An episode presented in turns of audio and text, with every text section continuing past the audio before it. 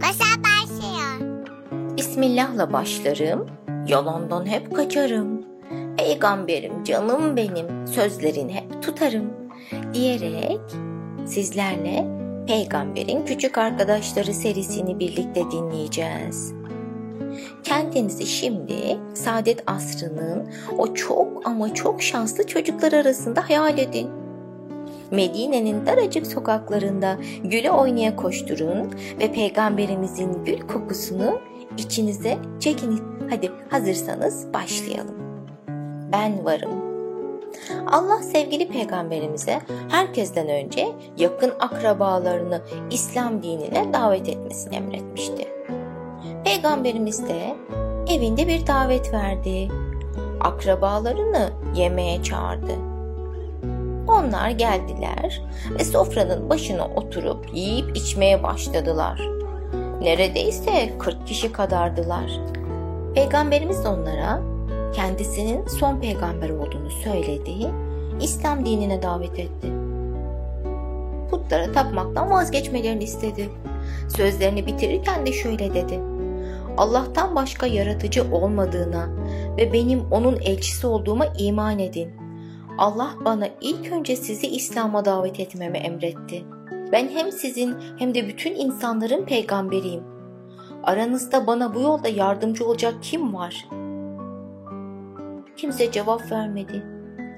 Ancak içlerinden yaşça en küçük olan ayağa kalktı ve ben varım dedi. Sevgili peygamberimiz ona sen otur dedi ve tekrar sordu. Aranızda bana yardımcı olacak kim var? Yine o küçük çocuktan başka hiç kimse cevap vermedi. Ben varım. Sevgili peygamberimiz ona tekrar sen otur dedi ve sorusunu üçüncü kez sordu. Bana yardımcı olacak kim var? Kimseden ses çıkmadı. O küçük çocuk tekrar ayağa kalktı ve üçüncü kez ben varım ey Allah'ın elçisi. Buradakilerin en küçüğü ve en sıskası olsam da sana kardeş ve yardımcı olurum söz. Hepsi sustu. O koca koca adamlardan hiç ses çıkmadı. Sevgili peygamberimiz gül kokulu elini o küçük çocuğun elinin üzerine koydu. O küçük, zayıf çocuk Hazreti Ali'ydi.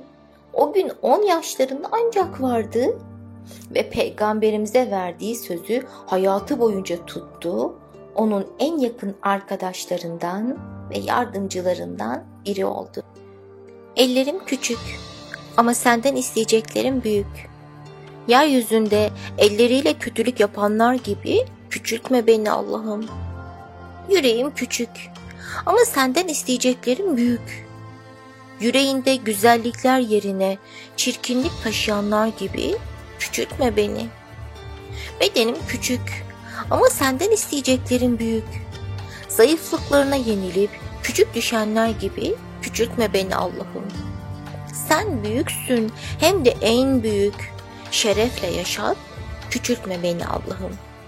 Evet, Rabbimizin Müzil ismiyle ilgili bu güzel duamızla masalımızı bitirelim. Müzil, zelil ve alçak duruma düşüren demek.